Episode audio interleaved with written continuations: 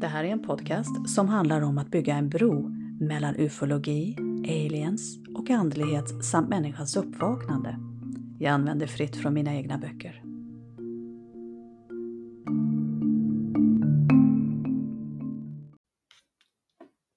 Dr. Michael Salla, författare av bland annat Galactic Federation Councils och Secret Space Programs. Han är ingen vanlig författare med akademiska meriter de flesta av oss inte ens en gång vet existerar, så strävar Michael Salla efter att få mer disclosure, avslöjande, när det kommer till frågor som rör relationer mellan aliens och människor. Michael Salla menar att utomjordingar som har varit i krig under en lång tid har dragit med sina konflikter till jorden. Och konflikterna mellan grupperna, ja, de har resulterat i olika variationer av proxykrig. Om så är fallet så, så kan ju det här ge en förklaring till varför reptiler valde att samarbeta med nazister. De använde helt enkelt illasinnande nazister för att förhindra att jorden blir en del av den mäktiga galaktiska federationen. För så länge människor hålls kvar på en låg frekvens där rädsla, själviskhet och ondska genomsyrar samhället så kommer vi aldrig att höja vår frekvens. Och det säger ju sig själv att en fascistisk värld medför att medborgarna varken ges resurser eller tillåtelse att växa som människor. Ja, det är därför fascister och nazister ges ett försprång till framtida teknologi. Reptiler räds nämligen inte från att ge dem makt och vapen eftersom de litar på att fascister, likt nazister, inte börjar reflektera över existentiella frågor som har med ljus och kärlek att göra. Enligt Michael Sala så är reptiler rädda för att människor börjar sitt uppvaknande. För endast då förlorar reptiler kriget mot grupper och civilisationer som är med i federationen. Människor måste därför hållas kvar i mörkret i tron att det är det mörka som är det normala. Kanske behöver reptilerna inte oroa sig. Själviskhet och egoism, ja, det har ju länge setts som någon slags norm, i alla fall i det västerländska narrativet. Allt annat ja, ser man som flum och önsketänkande. Mm. Några som har sträckt ut sin hand till oss Ja, det är en grupp entiteter som går under namnet Ashtar. Ashtar-gruppen blev oroliga för människans framtid efter att ha observerat oss under en längre tid och genom att använda sig av kontaktpersoner så hoppades Ashtar-gruppen på att få ut sitt budskap till världen. Och än idag hävdar individer att de har kontinuerlig kommunikation med besättningen som sägs befinna sig i ett rymdskepp gömd i Saturnus moln. Ett välkänt namn inom ufo-kretsar, det är George Van Tassel. Idag ses han som en trovärdig kontaktperson för venusianer som sägs ha befunnit sig på ett rymdskepp. Och det är högst trovärdigt att venusianerna som Van Tassel kommunicerade med kom från Ashtar-gruppen enligt ett flertal ufo-entusiaster. Istället för att hålla budskapen som Van Tassel fick för sig själv så växte en stark önskan att dela med sig av det som han har fått höra med sina medmänniskor. Ja, det var ju ingen lätt uppgift under 50-talet i USA. Risken att bli förlöjligad eller uthängd som lögnare. Men det var en verklighet som vittnen till både ufon och utomjordingar mötte redan då. Idag så står ju personer som menar att de har kommunikation med andra entiteter under samma risk. För vi vill gärna inte ta till oss budskap från de som menar att informationen kommer från ett annat håll. Och vi har svårt att tro på att det verkligen kan vara så. Och så förklarar vi gärna bort allt som inte passar in i vårt eget perspektiv som trams. Och i en rättvis värld där alla människors lika värde är implementerat i vårt undermedvetna, ja, men då passar det ju inte in att några få utvalda ges information som vi alla skulle behöva höra. Det är inte rättvist. Om det verkligen fanns grupper av utomjordingar som ville kommunicera med oss, ja, då tycker vi att de skulle välja en annan kanal och inte vem som helst. Och alla vet vi att de som hävdar att de är utvalda av aliens endast är ute efter uppmärksamhet. Ja, vi kan utifrån de här resonemangen förstå de utmaningar som George Van Tassel måste ha mött från omgivningen. Men ändå lyckades han med att göra det omöjliga. Han samlade upp till 11 000 individer som alla delade nyfikenhet för ufologi eller andliga budskap. Så i en tid, då ska vi tänka innan internet och mobiler uppfanns, så kunde Van Tassel samla ihop tusentals människor i Mojaveöknen, något som än idag skapar förvåning och faktiskt beundran. Att tusentals hängivna ufo-entusiaster samlas på samma ställe för att lyssna på budskap som Van Tassel hävdade han erhöll från utomjordiska varelser. Ja, det innebär ju hot mot den politiska arenan. Och inte oväntat så började FBI att hitta på lögner om Van Tassel för att på så sätt förhindra fortsatta möten med åhörare. Och fanns det en sak som man kunde använda som vapen i 50-talets paranoida Amerika, ja då var det ju kommunistfaran. Och det krävdes inte mycket för att anklaga folk för att sprida kommunistisk propaganda. Idén om att det fanns en person som övertygade folk att aliens uttrycker oro för människans livssyn. Ja, men det räckte som anledning till att anklaga personen att vara kommunistvänlig och stoppa folksamlingar. Oklara omständigheter ledde till George Van Tassels plötsliga död. Men informationen han gav från Ashtar-gruppen, ja, den lever vidare. Och enligt Michael Salas källor så förklarade Van Tassel att Ashtars rymdskepp befann sig 110 000 kilometer ovanför jorden. Förutom budskapet att vi har potential att växa som människor så varnade Ashtar-gruppen oss för att det finns negativa entiteter som inte vill oss väl. Negativa rymdvarelser som besöker och interagerar med individer utan tillåtelse. De cigarrliknande farkosterna som vittnen har sett flyga över himlen, ja, de är allierade med dessa negativa utomjordingar. Så vi bör därför avstå från att söka kontakt med dessa farkoster om vi väljer att tro på Ashtar-gruppens varningar. Ashtar-gruppen berättade även för Van att de flesta farkoster som är hitskickade kommer från goda utomjordingar. Och de välvilliga utomjordingarna som är här för att hjälpa oss, ja, de använder ljusa, runda farkoster. Och om det är kontakt vi söker så är det dessa farkoster som vi ska välkomna.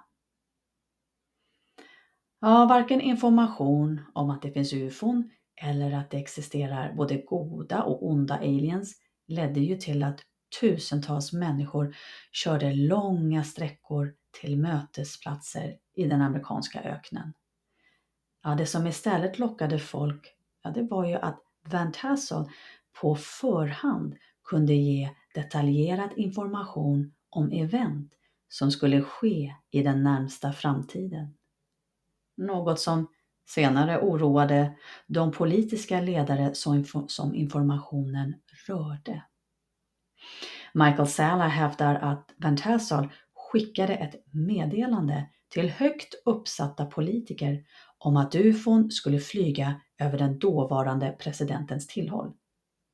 Ja, vi kan ju anta att de som tog emot meddelandet, de troligtvis de höjde de inte på ögonbrynen och ja, kanske la byråkraterna ner informationen som de läst i en låda markerad med nonsens.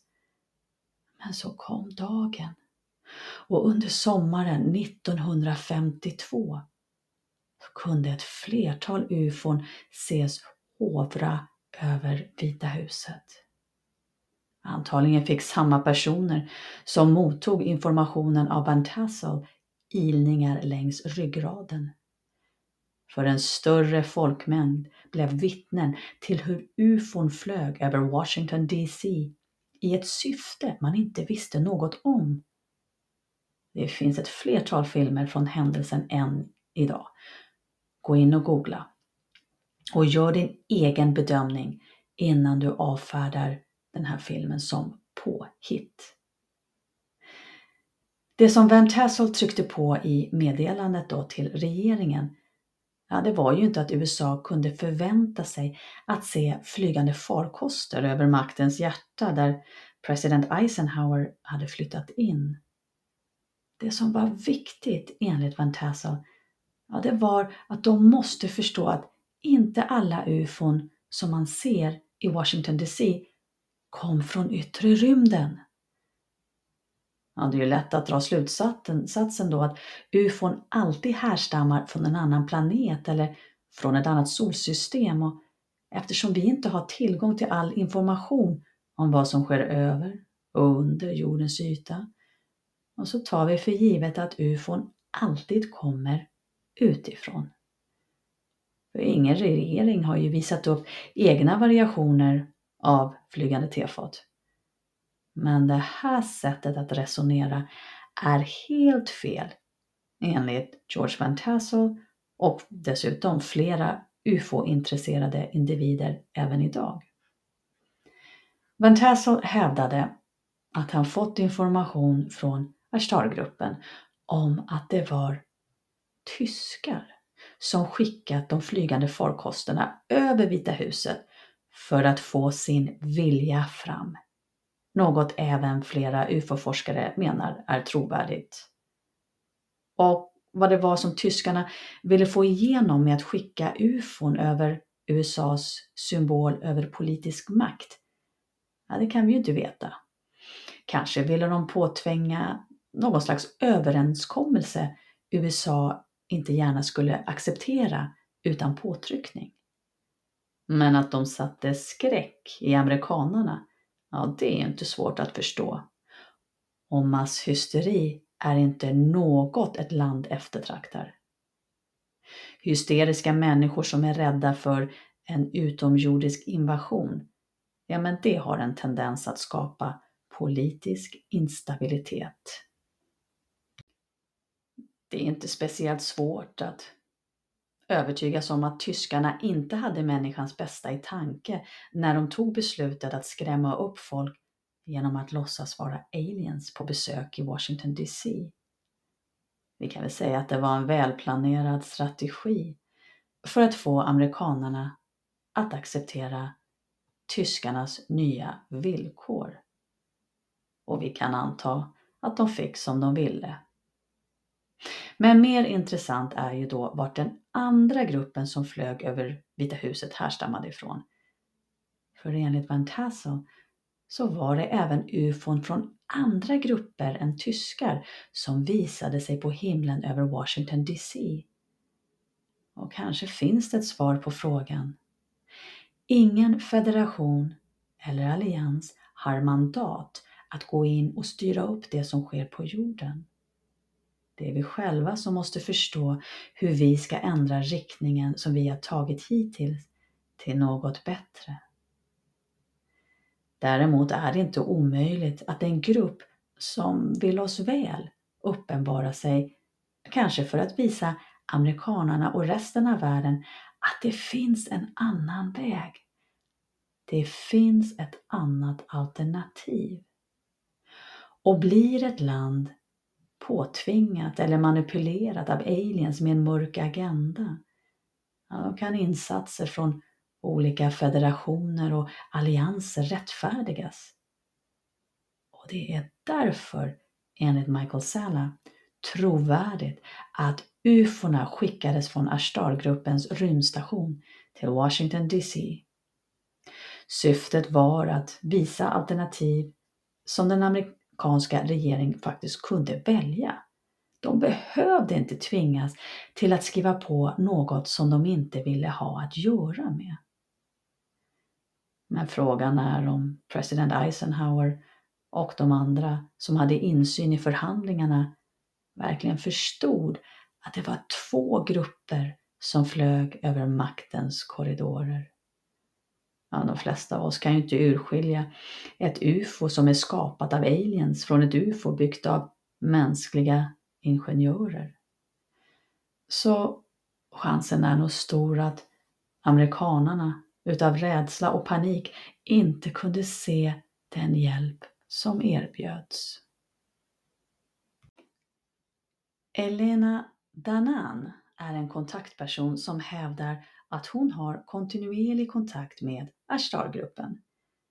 Och kanske är det för att Danan verkat som arkeolog i 20 år innan hon påbörjade sin nuvarande kontakt med utomjordiska entiteter som gör henne mer trovärdig än andra som hävdar liknande berättelser.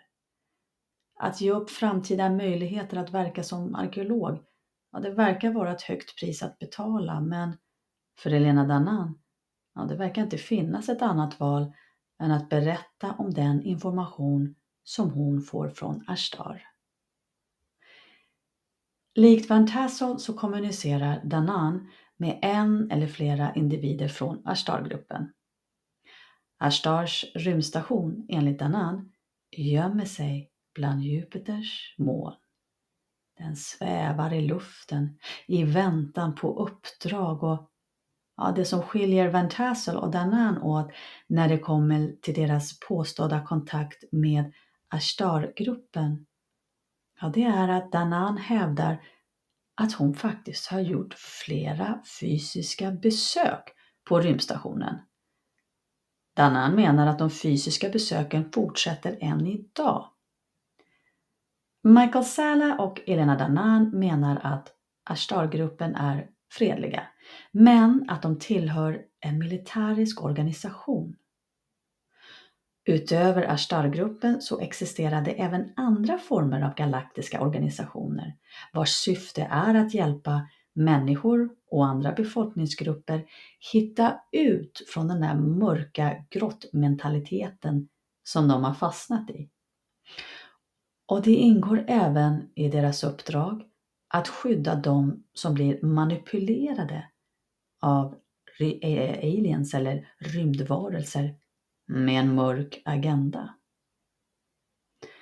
En av rymdallianserna som går eh, under namnet Planeternas konfederation, ja, de skiljer sig från både Ashtar-gruppen och Galaktiska eh, federationen. Planeternas konfederation använder aldrig våld, även om det innebär att svagare grupper far illa.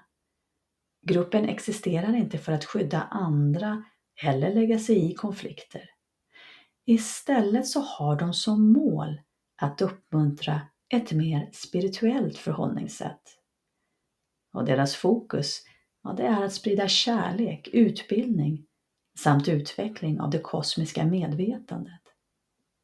Men inte alla får bli en del av denna kärleksfulla allians. För att få vara en del av planeternas konfederation så krävs det att civilisationer ändrar på hur de organiserar sina resurser. Alla ska ha tillgång till de resurser som finns, vilket innebär att ekonomiska reformer måste implementeras.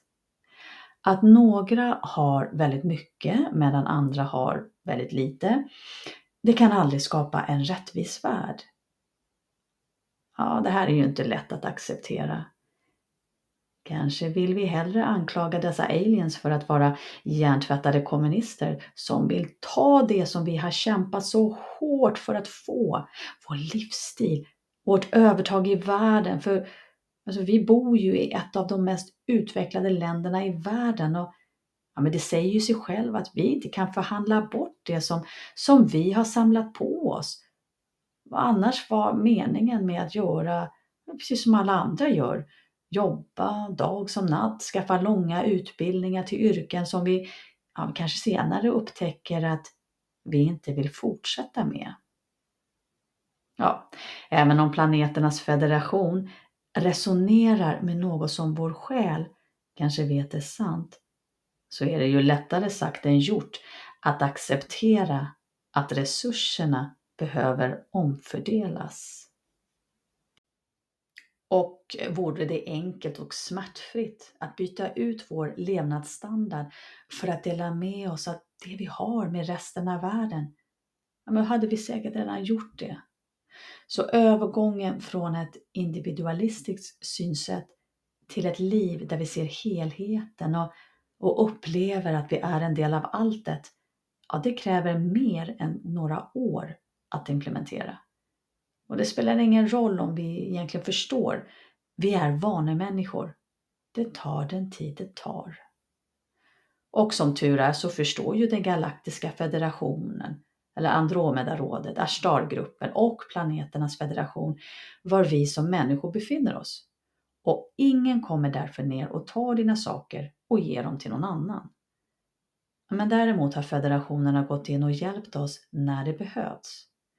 Vi har under lång tid, enligt Michael Sala och Elena Danan, haft besök av negativa utomjordingar vars syfte är att få oss att inte bli de medvetna och upplysta människor som vi kan bli.